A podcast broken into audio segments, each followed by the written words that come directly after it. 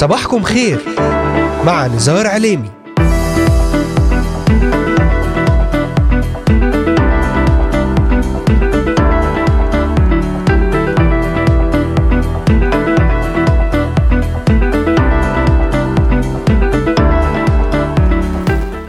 ثلاثون من شهر نوفمبر تشرين الثاني للعام 2023 المستمعون أهلا وسهلا بكم في إذاعتكم صوت الأمل. أهلا بكم في يوم جديد ومبارك ضمن الموسم الثاني من برنامج صباحكم خير. معكم على الهواء مباشرة نزار عليمي. أهلا وسهلا بكم. وأرحب بمستمعينا من الأراضي المقدسة ومن بلدان الشرق الأوسط وشمال أفريقيا. مستمعينا من سوريا لبنان مصر تركيا الأردن والعراق ليبيا اليمن السعودية والكويت. ومستمعينا من أستراليا أمريكا ألمانيا كندا والسويد والذين يتواصلون معنا. ويتابعون تابعوننا على مختلف منصاتنا الاجتماعية لإذاعة صوت الأمل.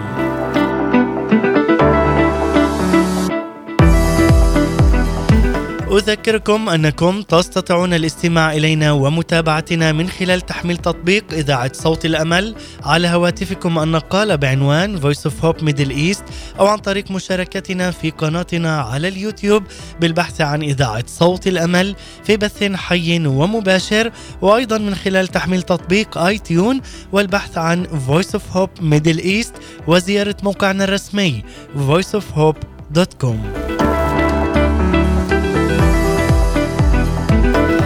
تابعونا على مدار هذه الساعة الصباحية ولأي سؤال أو استفسار تواصلوا معنا الآن.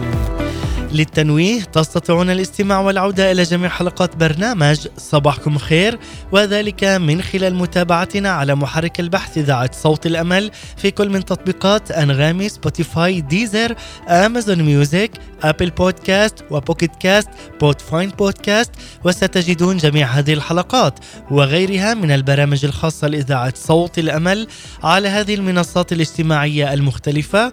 وأذكركم أيضا أن هذه الحلقة تعاد في تمام الساعة الثانية ظهرا بتوقيت القدس. أهلا وسهلا بكم أينما كنتم وأينما حللتم. هنا إذاعة صوت الأمل من الأراضي المقدسة.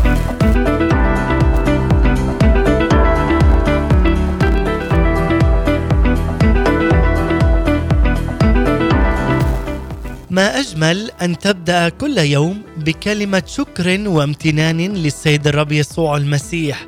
إله كل عطية صالحة وكل موهبة تامة هي من فوق نازلة من عند أبي الأنوار الذي ليس عنده تغيير ولا ظل دوران. لننظر إذا إلى السماء كما نظر الشعب في العهد القديم. وإذا بالمن والسلوى ينهمران من فوق من عند ابي الأنوار فأشبع الجميع من خيرات السماء بفيض عجيب. فالحبيب العريس يسوع المسيح هو الذي يعطي بسخاء ولا يعير ابدا.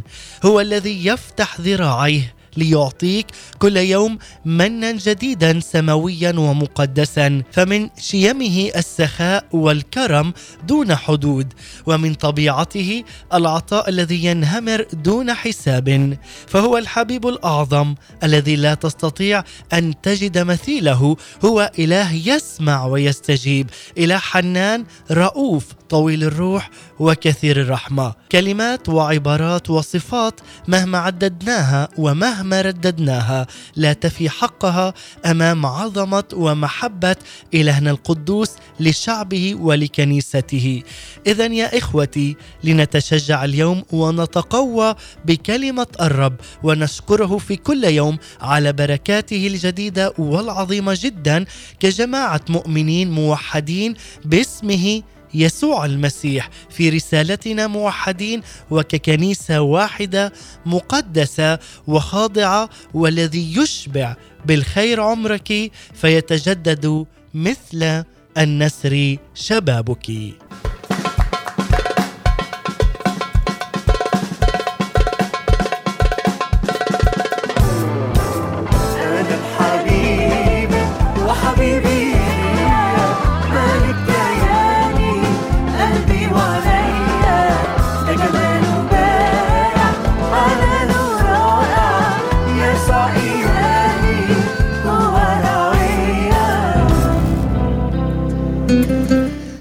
وسهلا بكم في الجزء الخامس عشر من سلسلة أنا لحبيبي وحبيبي لي ولنتحدث اليوم برسالة جديدة ضمن هذه السلسلة حول سفر نشيد الأنشاد في وصفه للعريس يسوع المسيح خداه كخميلة الطيب وأتلام رياحين ذكية. ترتكز رسالتنا في هذا اليوم على عدة آيات من الكتاب المقدس وخاصة من سفر نشيد الأنشاد الذي هو محور هذه الرسالة وذلك من خلال هذه السلسلة بعنوان أنا لحبيبي وحبيبي لي وذلك بعد أن انطلقنا بأجزائها المتتالية وصولا إلى الجزء أيضا هنا الثالث عشر بدأنا بالإصحاح الخامس بآياته الأولى من سفر نشيد الأنشاد حول العريس يسوع المسيح برسالة لعروسته الكنيسة افتحي لي يا أختي يا حبيبتي يا حمامتي يا كاملتي. أما في الجزء الرابع عشر تحدثنا حول حبيبي أبيض وأحمر معلم بين ربوة. يسوع المسيح هو الراية المنتصرة المرتفعة عاليا وغصنا معا في صفات جديدة وعظيمة جدا للسيد الرب المنتصر القائم من بين الأموات. يسوع المسيح له كل المجد ومن بين هذه الصفات حبيبي أبيض وأحمر معلم بين ربوة. أما اليوم في الجزء الخامس عشر من سلسلة أنا لحبيبي وحبيبي لي نتابع في حديثنا تتمة للصفات العظيمة جدا حول العريس يسوع المسيح من خلال الإصحاح الخامس وهو له كل المجد. لذلك سنركز حول سفر نشيد الأنشاد في وصفه للعريس يسوع المسيح خداه كخميلة الطيب وأتلام رياحين ذكية. كما ولمن انضم إلينا الآن في الجزء الخامس عشر أشجعك عزيزي المستمع لمتابعة الأجزاء الأولى لكي تتعمق معنا خطوة بخطوة حول سفر نشيد الأنشاد كونه هو أحد الأسفار الشعرية القانونية في العهد القديم كما أن هذا السفر قد تحدثنا عنه أنه واجه العديد من التحديات الهجومات الشرسة التي كانت موجهة ضد الكتاب المقدس بشكل عام وضد سفر نشيد الأنشاد بشكل خاص. أدعوك عز المستمع للتمتع معي بهذه الرحلة الجميلة والتي ستأخذك في وقت سماوي روحي بمنظور ومفهوم جديد لحياتك الروحية كي نتعمق وندرس معا سفر نشيد الأنشاد المكون من ثمانية إصحاحات في العهد القديم من الكتاب المقدس لكاتبها الملك سليمان الحكيم. كما وسنكمل معا بالاستماع من خلال هذه السلسلة لبعض الآراء والأفكار المقدسة على الهواء مباشرة من مختلف بلدان الشرق الأوسط والأراضي المقدسة. بالإضافة أيضا أننا نختار لكم كما عودناكم في كل حلقة جديدة شخصية قيادية روحية لتجيبنا على فقرة سؤال جواب على سفر نشيد الأنشاد. نتطرق معا لهذه المواضيع الهامة جدا من خلال دراستنا لسفر نشيد الأنشاد ومن خلال برنامج صباحكم خير معكم على الهواء مباشرة نزار عليمي أهلا وسهلا بكم وأرحب في هذا الوقت بجميع الذين انضموا الآن إلينا إلى إذاعة صوت الأمل.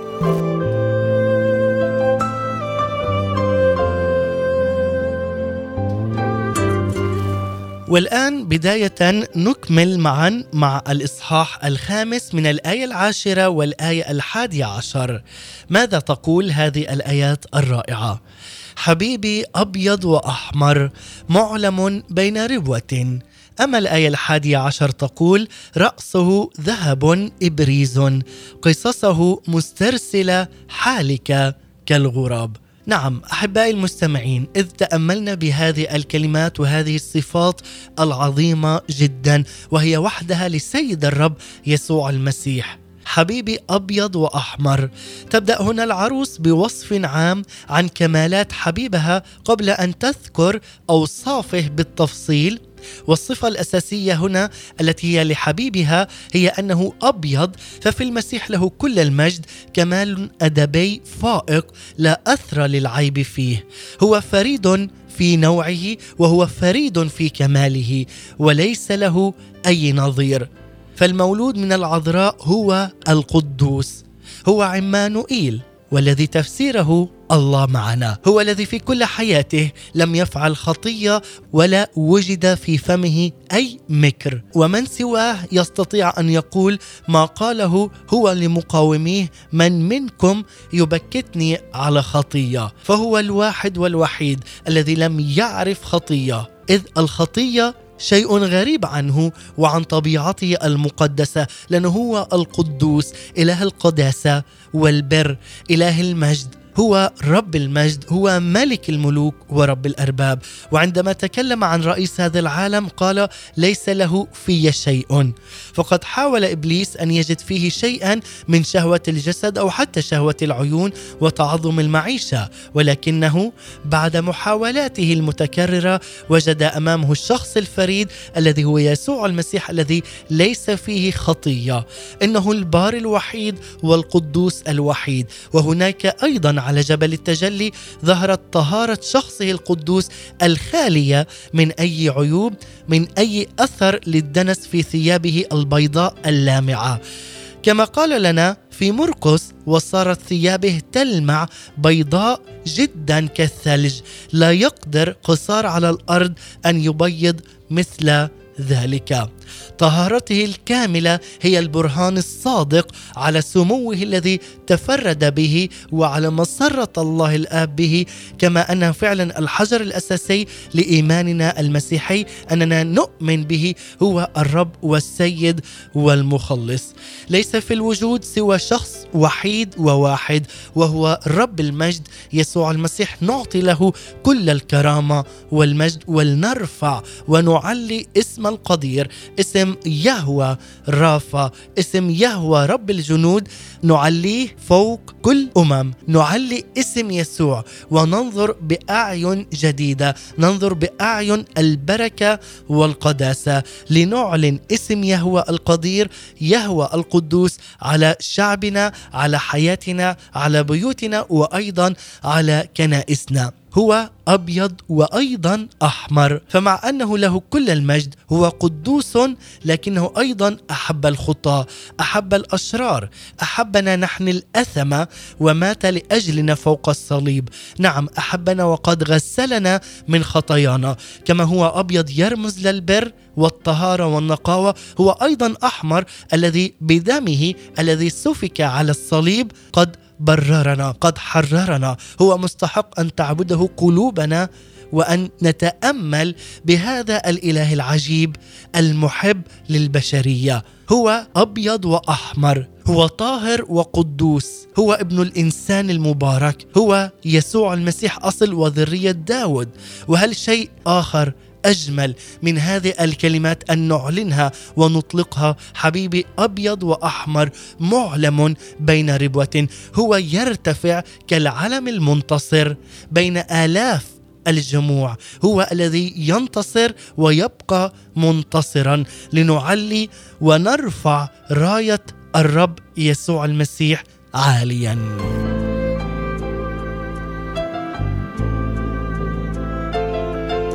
كما أن كلمة أحمر هنا إشارة إلى القوة والنشاط والعزيمة الكاملة. هي أيضا الكلمة التي بها رمز للدماء للفداء. دم رب المجد يسوع المسيح على الصليب الذي به خلصنا وحررنا. ليس ذلك فقط فإن تكريسه الكامل ظاهر في علاقته أيضا بالكنيسة. وأيضا بالمؤمنين القديسين الذين آمنوا وخضعوا لكلمة الإله الحي يسوع المسيح. فمحبته الفائقة المعرفة التي فعلا هو أحبنا أحبنا قبل تأسيس هذا العالم. وذلك أيضا برهان بموته وقيامته المجيدة. لنعطي للسيد الرب كل المجد والإكرام. لذلك هو معلم بين ربوة أي أفضل وأسمى من عشرة آلاف فهو لا مثيل له في الجمال والكمال. لذلك نطلق عليه أنت أبرع جمالا من بني البشر لا بل هو الفريد في الجمال والكمالات. إنه المرتفع كالعلم أو كالراية المرتفعة المنتصرة. هو فعلا أعظم إله أعظم قدوس هو الوحيد والفريد في صفات الكمال والمجد والبهاء. إنه العلم الوحيد المرتفع الذي تلتف حوله جماهير المفديين. لذلك قال في سفر المزامير أعطيت خائفيك راية ترفع لأجل الحق واليوم نرفع راية الحق والنصره والبركة من خلال يسوع المسيح ومن خلال معرفتنا لملك الملوك ورب الأرباب. نعم نعرف عنه وأيضا نختبره في كل يوم لأنه هو الذي يقول أنا هو الطريق والحق والحياة هو الراية هو العلم المرتفع الجميع يلتف حول حول يسوع المسيح. الكنيسة أيضا عليها أن تعلن انتصارها كما العريس أعلن هذا الانتصار. العروس هنا كانت تقول لبنات أورشليم لستن بحاجة إلى البحث الكثير عن حبيبي إذ هو العلم العالي والمرتفع بين آلاف القديسين. هو العلم المرتفع لا مثيل له في محبته ولا مثيل له في نعمته وفي قداسته التي لا حد لها. هو الملك هو القدوس هو المعلم بين ربوة. يقول لنا في هذه الآيات الرائعة ويكون في ذلك اليوم أن أصل يس القائم راية للشعوب إياه تطلب الأمم ويكون محله مجدا ويرفع راية للأمم ويجمع من في إسرائيل ويضم مشتتي يهوذا من أربعة أطراف الأرض.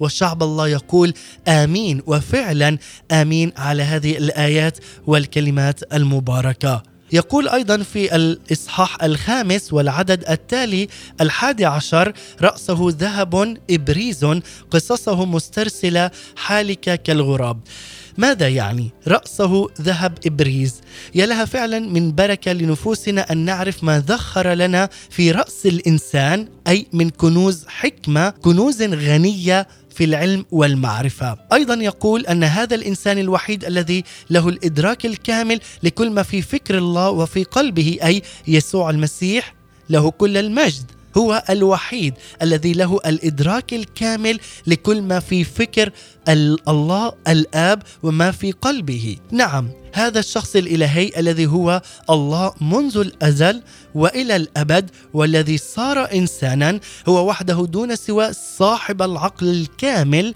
والإدراك الكامل الكلي لأفكار الله من نحونا نحن الإنسان. قد كانت أيضا أفكار الله ومشوراته هذه من نحو الإنسان مسطوره وغير مدركة لكنها أعلنت في نور كامل وذلك بواسطة يسوع المسيح لأنه يقول لنا في يوحنا الإصحاح الأول والعدد الثامن عشر الله لم يره أحد قط الابن الوحيد أي يسوع المسيح الذي هو في حضن الآب هو خبر.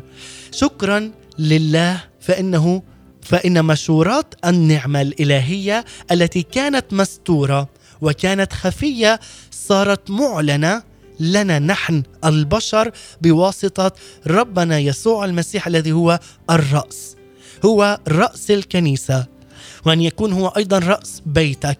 هو يكون الكل في الكل. واسم يسوع يكون فوق الكل. وبركة يسوع المسيح تأتي على حياتنا عندما نعلنه ربا وسيدا على حياتنا على كنائسنا وعلى بيوتنا. عندما يكون للمسيح مكانة كالرأس لا يكون هنالك مزيج من الأفكار البشرية بل تكون أفكارنا مليئة بالبركة والخير الذي ليس فيه أي حقد أو أي كراهية بل يكون هنالك هذه الأفكار مليئة بالمحبة مليئة بالغفران وبالفرح الروحي السماوي بنغمات التسبيح وبالهتافات المقدسة وكل ما في الكون يسبح ويمجد اسم رب المجد يسوع المسيح إذ أعلناه ملكا وسيدا على حياتنا.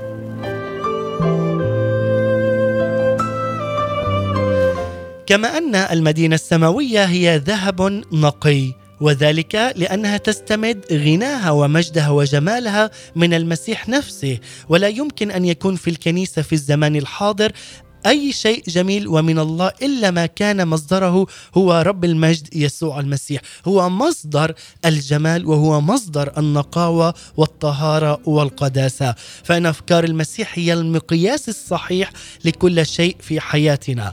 لذلك نشكر الله القدوس لأن أفكاره هي أفكار سلام لا شر. قصصه مسترسلة. حالكه كالغراب.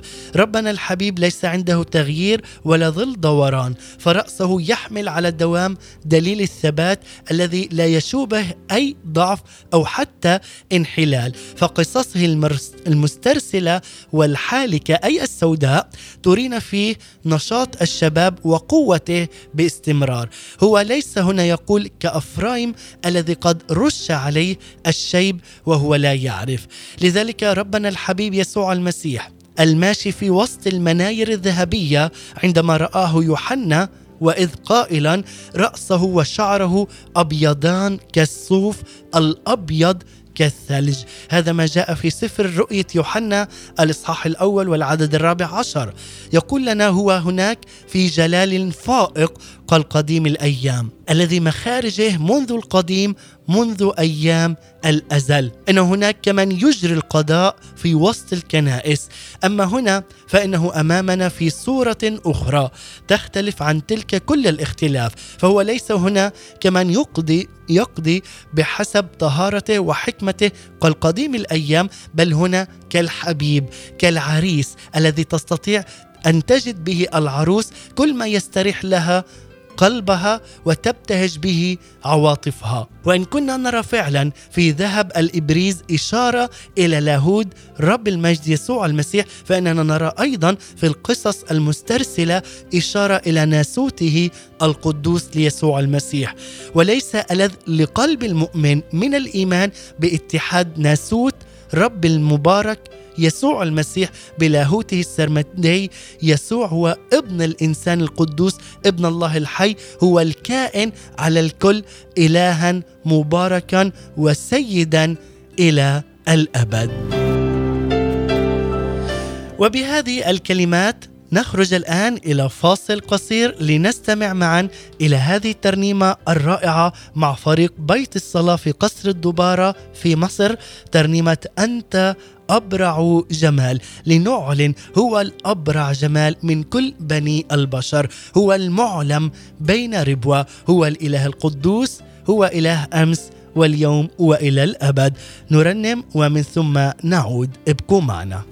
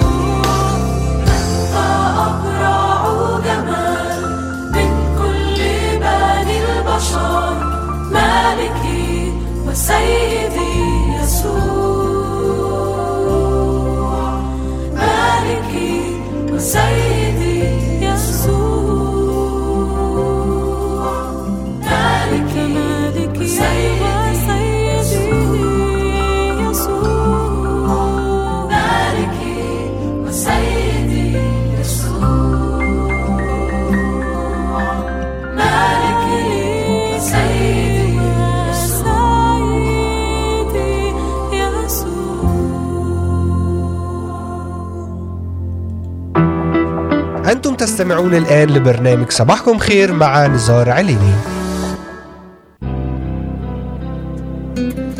نعم معلم بين ربوة. الأبرع جمال مالكي وسيدي يسوع المسيح هو مشتهى الأمم. عودة من جديد لكم أحباء المستمعين والمتابعين بعد هذه الترنيمة الرائعة مع فريق بيت الصلاة في قصر الدبارة في مصر مع ترنيمة أنت أبرع جمال.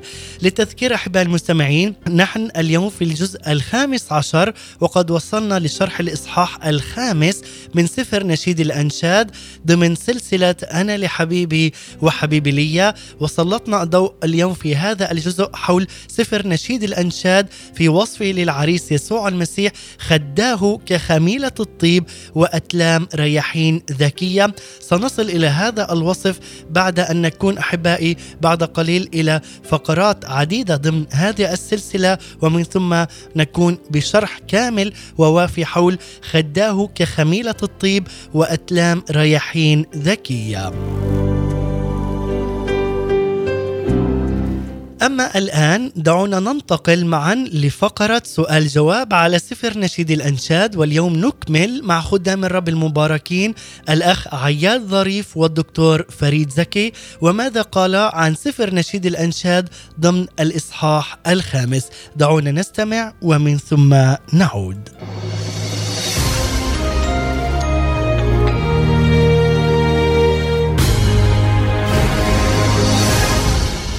وصلنا في دراستنا في سفر نشيد الأنشاد أحد الأسفار الشعرية في العهد القديم. إلى الأصحاح الخامس بمشيئة الرب النهاردة هنتكلم عن أوصاف الحبيب. من هو الحبيب الذي توجد أوصافه في هذا الأصحاح؟ عدد 11 وزي ما إحنا عاملين دليل لفهم مصطلحات سفر نشيد الانشاد الرأس بدأت تكلمنا عن الأفكار. فرأسه ذهب إبريز قصصه مسترسلة حالكة كالغراب. قبل ما نعرف يعني إيه رأسه وأفكاره وقصصه هنا بدأ يوصف لنا الحبيب من أعلى إلى أسفل. نعم. بنشوف فيها إيه؟ هي بتصفه في عشر أوصاف وبشوف فيها إنها لما اقتربت منه بدأت تكتشف جوانب الروعة فيه. وهكذا الرب كلما اقتربنا منه في معاشرة حقيقية كلما ذهلنا من روعة ما فيه وجماله الغير عادي. رأسه ذهب إبريز وقصصه مسترسلة حالكة كالغراب. أنت أشرت إن الرأس بيكلمنا دايما عن الذهن والأفكار وأضيف عن المقاصد والمشورات. أفكار الرب. إيه أفكاره؟ أفكاره رائعة. يقول علمت الأفكار التي أنا مفتكر بها عنكم أفكار سلام. أفكاره دايما أفكار رائعة. كمان مقاصده. ماذا قصد؟ قصد أن يرتبط بنا ويجعلنا له عروس. الكنيسة هي عروسه قصصه مسترسلة حالكة كالغراب. يعني شعره مسترسل لونه أسود ما فيهوش شيب على الإطلاق لا يشيب. شباب يسوع المسيح هو هو امسا واليوم وإلى الأبد. لا يكل ولا يعيا. لا يكل ولا يعيا. شيء عظيم. دي تفرق معانا في إيه؟ إنه في أي وقت أرفع عيني للمسيح وهو في السماء الآن أجده لا يتغير قلبه لا يتغير محبته لا تتغير آه، قدراته لا تتغير مواعيده لا تتغير شخص ثابت فأستطيع أن أبني حياتي على الصخر الثابت. طيب إذا شفنا في شعره كمان قصص مسترسلة حالكة كالغراب إيه علاقة الاسترسال هنا القصص المسترسلة بشريعة النذير اللي جت في سفر العدد صح ستة؟ آه، إنه من ضمن آه، شروط الانتظار للرب إنه الرجل يرخي شعره علامة الخضوع. والمسيح له المجد روحيا كان النذير أي الذي لم يفعل شيئا في حياته إلا ما يسر الله مخصص تماما. ها أنا اجيء لأفعل مشيئتك يا إلهي سررت. عدد 12 بدأت تصف عيناه قالت عيناه كالحمام على مجاري المياه مغسولتان باللبن جالستان في وقبيهما. بتشوف إيه في العين يا دكتور فريد؟ أشوف عدة أشياء. أولا الوداع. الحمام طائر وديع. ما يهاجمش خالص. المسيح كان وديعا. آه، أشوف كمان فيها جالستان. يعني الرب لو كل المجد ما كانش شخص بيتطلع إلى شهرته ولا بيتطلع إلى رأي الناس فيه ولا بيتطلع إلى أن يحوز عظمة في هذا العالم ولما الشيطان جه في التجربة يعرض عليه أمجاد العالم رفضها فكان عينه مستقر جالستان. آه، في وقبيهما الوقبين هما مكان العين في الجمجمة عندنا. فمستقر. كان الرب لما بدرس حياته الحقيقة آه، بتعجب منه. ما كانش يحمل برأي الآخرين. ثابت هادي قدامه مخطط قدامه خطة معينة ورسم معين يتجه إليه. لما تمت أيامه الأيام لارتفاعه ثبت وجهه لينطلق نحو أورشليم. كمان مغسولتان باللبن. حاجة جميلة قوي عينين مغسولة باللبن. اللبن نقاوة لون أبيض حلو. فبشوف فيها كمان النقاوة والطهارة. تمام. عندي آه، برضو تعليق على جالستان في وقبيهما إذا قلنا إنه العين تتكلم عن نظرة المسيح خلينا أقول نظرته لي أنا نظرته للمؤمنين. مم. إمتى هذه النظرة سوف تتغير؟ لن- تقديره لي يتغير؟ أو محبته لي تتغير لن تتغير وده الأمر العجيب. وده الفرق بين المسيح وبين أي إنسان. يعني ممكن آه، نتعلق بحد وبعدين يضعف. من جوانا تقديرنا ليه اللي يقول يا أنا كنت فاكر إنه هيطلع أحسن من كده. ألاقي تقديره في عينيا نزل. هو مش كده؟ لأنه لم يخدع فينا. وكمان لأنه يتسم بالثبات نحن المشاعر والمزاج يحملنا يوما إلى أعلى ويوما آخر إلى أسفل. يعني بيقولوا لها أنت جميلة بين النساء وهي سبته وبتدور عليه؟ صحيح. ستظل هي جميلة في عينيه ويجملها أمام الآخرين.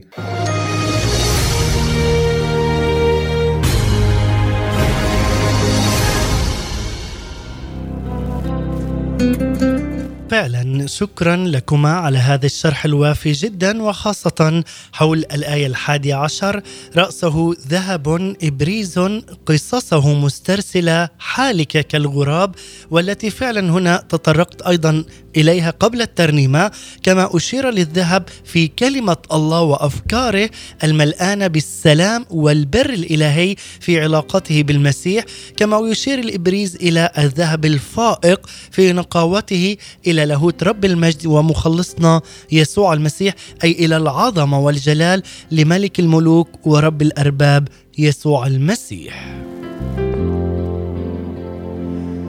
والآن نكمل معا في نفس الإصحاح من الآية الثانية عشر والآية الثالثة عشر. تقول عيناه كالحمام على مجاري المياه مغسولتان باللبن جالستان في وقبيهما خداه كخميلة الطيب. وأتلام ريحين ذكية. شفتاه سوسن تقطران مرا مائعا. ماذا يعني عيناه كالحمام على مجاري المياه؟ مغسولتان باللبن جالستان في وقبيهما. ليس مثل العين في التعبير عما يسكنه الإنسان في الباطن. إنها في صمتها تتكلم بلغة أكثر وضوحا من كلام الشفتين.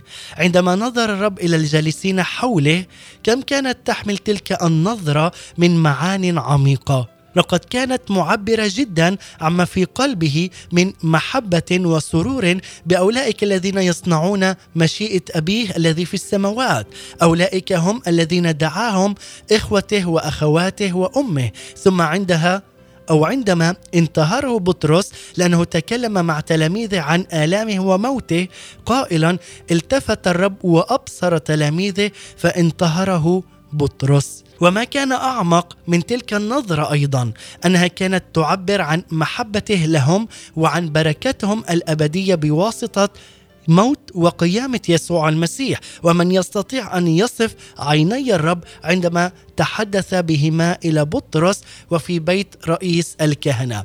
كما أيضا في سفر الرؤيا يتحدث عن الخروف الذي له سبع أعين وواضح جدا أن الرقم سبعة يشير هنا إلى الملء والكمال قائلا لأن عيني الرب تجولان في كل الأرض ليتشدد مع الذين قلوبهم كاملة من نحوه. وجدير بنا أيها الاحباء أن نتبع لهذه النظرات أي نظرات رب المجد يسوع المسيح إلينا فإنه يعلمنا ويرشدنا بنظرات عينيه قائلا أعلمك وأرشدك الطريق التي تسلكها أنصحك عيني عليك. وهنا أيضا قد رأت العروس عيني حبيبها في صورة رمزية عن اللطف والوداعه أي كالحمام على مجاري المياه كما رأت فيهما أجمل صورة للطهارة والنقاوة مغسولتان باللبن. فعواطف المحبة وهنا اللطف والحنان تشع من هاتين العينين. ولكنهما في الوقت ذاته تفيضان طهارة وقداسة وبر. هذه الصفات مجتمعة معا برب المجد يسوع المسيح وما يريد أن تتصف به عروسه وحبيبته أي الكنيسة والمؤمنين كما هي للسيد الرب يسوع المسيح العريس الحبيب. وأيضا يكمل هنا عيناه جالستان في وقبيهما. ماذا يعني؟ أي مستقرتان في مكانهما. أعني ان أعني هنا أن نظرته لخاصته ثابتة وليس فيها تغير ولا أي تغيير. فخاصته هم عطية الأب له ولا يمكن أن يتغير قلبه من نحوهم أو حتى تتحول نظرات محبته عن هؤلاء الأحباء. إنهم في يدي ولا يستطيع أحد أن يخطفه يخطفهم منه لأنه هو الملك. ويقول أيضا خداه في الآية الثالثة عشر كخميلة الطيب وأتلام ريحين ذكية. ماذا يعني؟ هنا الأعداد التي تشير إلى أيضا ضرب يسوع المسيح على خده. ترينا أن خدي العروس خلال هنا أيضا يشير إلى الصلب. أن خدي العريس يرسمان أمامنا صوره رمزية لاتضاعه بالنعمة. هذا الاتضاع الذي عرضه إلى قسوة الإنسان وابتعاده عن يسوع المسيح. فقد تنازل له كل المجد إلى الحد الذي جعله عرضة لاستهزاء البشر واحتقارهم له. قائلا في إشعياء النبي بذلت ظهري للضاربين وخدي للناتفين وجهي لم أستر عن العار والبصق. وهل يوجد تعبير أكثر تاثيرا مما جاء أيضا في هذه الآيات؟ فهناك أيضا نقرأ عنه له كل المجد بأنه مدبر إسرائيل الذي مخارجه منذ القديم منذ أيام الأزل. فقد أتى من مجده الإلهي الأزلي ليولد ليولد كطفل في بيت لحم أفراط ويله من تنازل عجيب. لماذا؟ لأنه أحب الإنسان وهذه هي المحبة الفعلي الفعلية. هو الذي ضرب وأهين لأجل البشرية لأجل خلاصنا نحن لأننا أبناء للسيد الرب. هذه القيمة العظيمة في عيني رب المجد يسوع المسيح لي ولك عز المستمع. أنت مكرم أنت مبارك أنت ابن محبوب وابنه محبوبة للسيد الرب يسوع المسيح. قد فعل كل هذا لأجلي ولأجلك لكي نحيا ونستريح في محضر الرب ونأخذ أيضا البركة التي نستحقها بدم يسوع المسيح. فبدون هذا الدم لا نستحقها بل نستحق الموت والعذاب والهلاك الأبدي. لكن يسوع المسيح الذي جاء إلى أرضنا صلب مات وقام أعطانا حياة أبدية وغفرانا كاملا بدمه القدوس. يقول أيضا عنه شفتاه سوسا تقطران مرا مائعا. هنا نرى وجها آخر لاتضاع رب المجد يسوع المسيح. فإن كان اتضاعه أظهر في فكر البشر وأراهم من جهته فإنه أظهر أيضا غنى النعمة التي كانت في قلب الله من نحو الإنسان. هذا ما نراه في هذا الوصف الذي به تصف العروس الحبيب أو حبيبها شفتاه سوسا تقطران مرا مائعا. يشير هنا سوسا إلى النعمة الجذابة التي في المسيح يسوع. وقد اشار هو له كل المجد إلى أن في السوسن أي الزنابق شيئا يفوق كل مجد سليمان. وهنا أيضا يقول ويخبرنا من خلال سفر المزامير المزامير على السوسن وأنه بترنيمة محبة وترنيمة جديدة للحبيب. هذا أيضا المزمور الخامس والأربعين له ارتباط وثيق جدا بسفر نشيد الأنشاد فأنه يتحدث مترنما إلى الحبيب قائلا له انسكبت النعمة على شفتيك. الله جعل نعمته ذات جاذبية فائقة وذلك لأنه قدمها للبشر بواسطة الابن الحبيب يسوع المسيح. هو المملوء حقا ونعمه يوحنا الحبيب يخبرنا بأن ربنا يسوع المسيح الكلمة حل بيننا وهو صار مملوءا نعمة وحقا وأنه فعلا كل من يؤمن به يكون له حياة أبدية. يقول من ملئه قد أخذوا ونعمة فوق نعمة.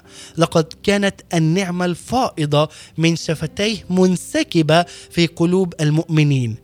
وفعلا هذه النعمة الثمينة الغالية هي من رب المجد يسوع المسيح وعندما رأيناها أيضا في ضوء موته صلبه وموته آلامه وقيامة رب المجد يسوع المسيح. لذلك إن النفس التي تحب المسيح تعتز بكل كلمة من كلماته لأنها أغلى شيء لديها. هو الذي قال لتسكن فيكم كلمة المسيح بغنى لأننا لا نستطيع ابدا أن نعرفه حق المعرفة إلا بواسطة الكلمة الذي صار جسدا وحل بيننا وهو رب المجد يسوع المسيح. دعونا الآن نستمع أيضا إلى مقطع من ترنيمة عيناك تنظر إلي مع المرنم نزار فارس لكي نختتم فيما بعد مع فقرة آراء وأفكار مقدسة. ابقوا معنا لا تذهبوا بعيدا.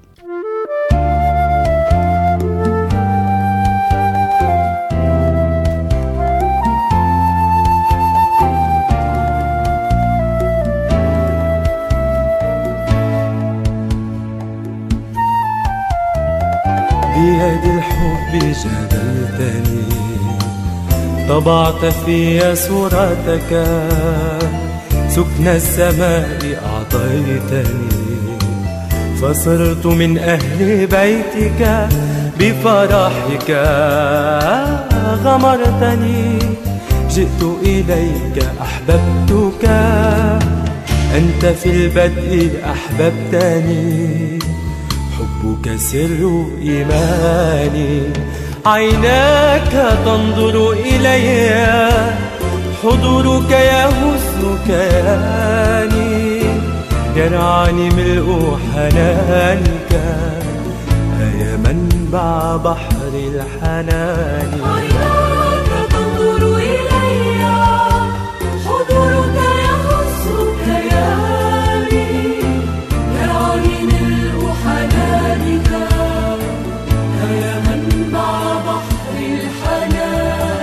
قالوا لي إلهي حبيبي.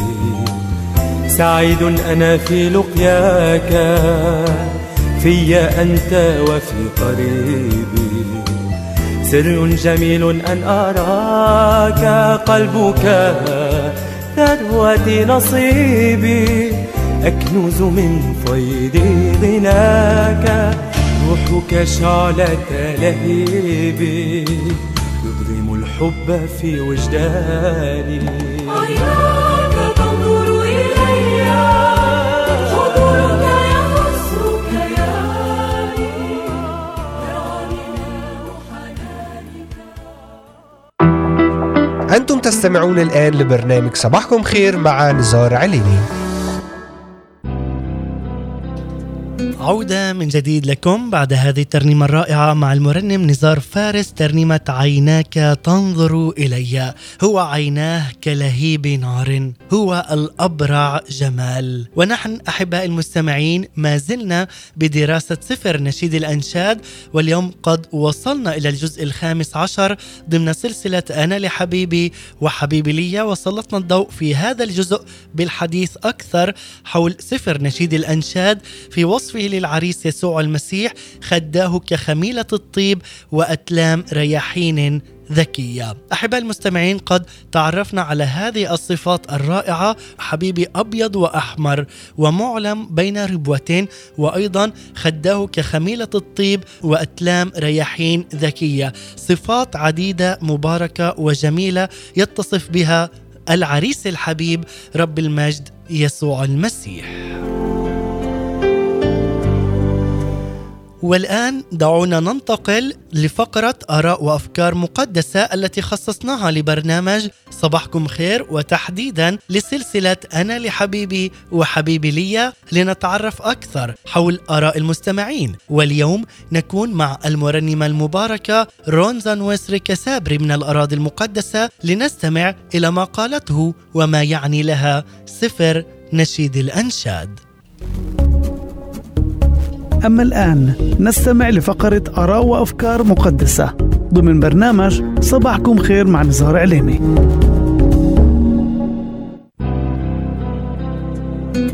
سلام. معكم المرنمة رونزا نويسري من الأراضي المقدسة. بحب اليوم هيك أشارككم شوي عن نشيد الأنشاد وعن تأثيره في حياتي. بداية بحب بس أنوه إنه نشيد الأنشاد هو فعلا نشيد وفعلا الشعر مكتوب مليان. هالقد غزل وهالقد فيه تعابير غزلية. لكن نشيد الأنشاد أيضا بيحمل بمعانيه أمور روحية عظيمة جدا. بيحمل بمعانيه دروس أيضا لحياتنا الروحية مع الرب. لحياتنا في الخدمة كل الأمور اللي ممكن نعبر فيها ونمر فيها. أنا كانت نقطة تحول في حياتي لما اخترت أنه أنظر لنشيد الأنشاد كسفر أيضا تعليمي مش بس آه، سفر ممتع ولا سفر بس كشعر أو بس غزل مجرد غزل بين الرب والعروس. صار عندي إدراك إنه العروس هي مش بس الكنيسة ككل العروس هي أنا وإنت وأي حدا فينا.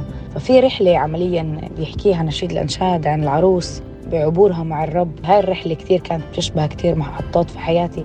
يمكن مرقتها وأخرى ممكن أمرقها لقدام. إيه اللي بدي أشجعك فيه إنك تنظر لنشيد الأنشاد بطريقة عميقة. يمكن تحتاج منا أنه ندرس شوي عن نشيد الأنشاد ندرس على المعاني وعلى التعابير من أجمل ما كتب في الكتاب المقدس لأنه مش بس كلمات جميلة لأنه يحمل معاني عميقة في رحلة العروس في طلوع ونزول في هاي الرحلة في مصاعب في تحديات. بتخوضها العروس بخوضها أي حدا مؤمن فينا أي خادم فينا أيضا. في علاقة جدا خاصة بين الرب إيه، وإحنا البشر بشكل شخصي كل واحد فينا يجب يعني أن تفهم.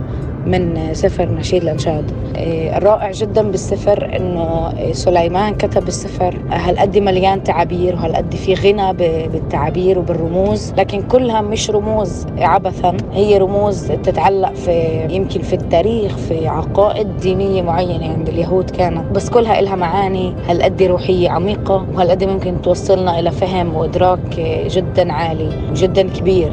بشو الرب بيشوف فينا وشو إحنا لازم نتوصل إنه نشوف بالرب. عن الرحلة اللي موجودة بين العروس والرب هي رحلة رائعة. هي رحلة مش زي ما مبين في النشيد من أول وهلة. هي رحلة أيضا فيها جدا صعب وتحديات جدا فيها أمور اللي هي كانت مش متوقعة لدى العروس. وعملت لها زي صدمة. بتذكر لما قرأت كنت دائما أشبه إيش عم بيصير مع العروس في اللي عم بيصير بحياتي أنا.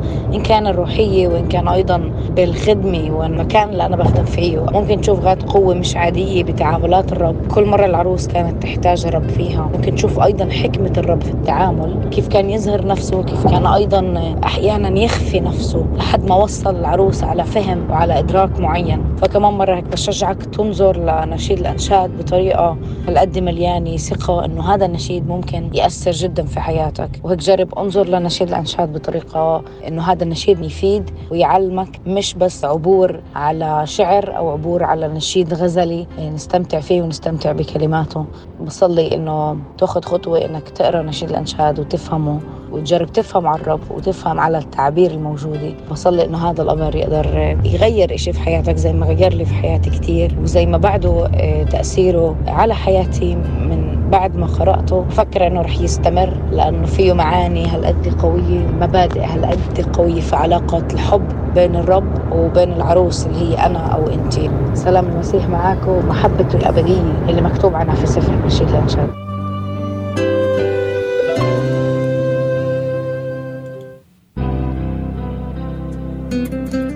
فعلا أخت رونزا ربي يباركك على هذه الكلمات الرائعة المشجعة والمعزية ومشاركتك معنا ضمن سلسلة أنا لحبيبي وحبيبي لي وللتأكيد على أهمية دراسة سفر نشيد الأنشاد والتعمق به روحياً.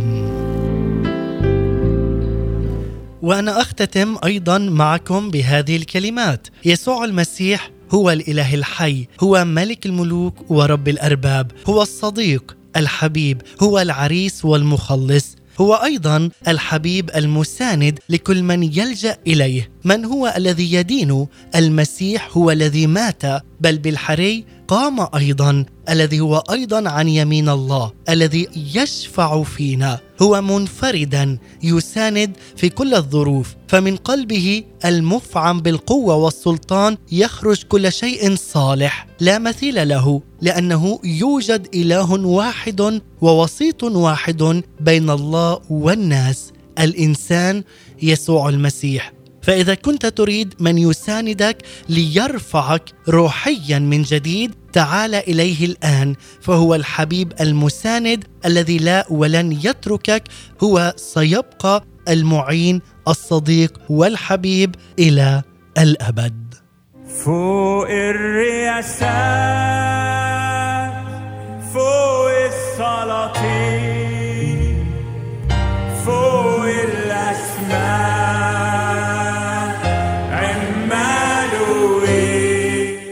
وبهذه الكلمات ومع هذه الترنيمة نختتم وإياكم أحباء المستمعين والمتابعين. مع المرنم بيبو مشرقي وفريق قصر الدبارة فوق الرياسات وفوق السلاطين. اسمه عمانوئيل الله معنا.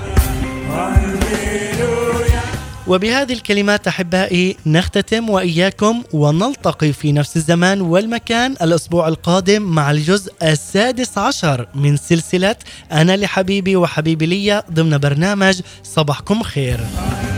أتمنى لكم نهاية أسبوع سعيدة آمنة ومباركة. هذه تحيتي لكم مني أنا نزار عليمي سلام المسيح إلى اللقاء.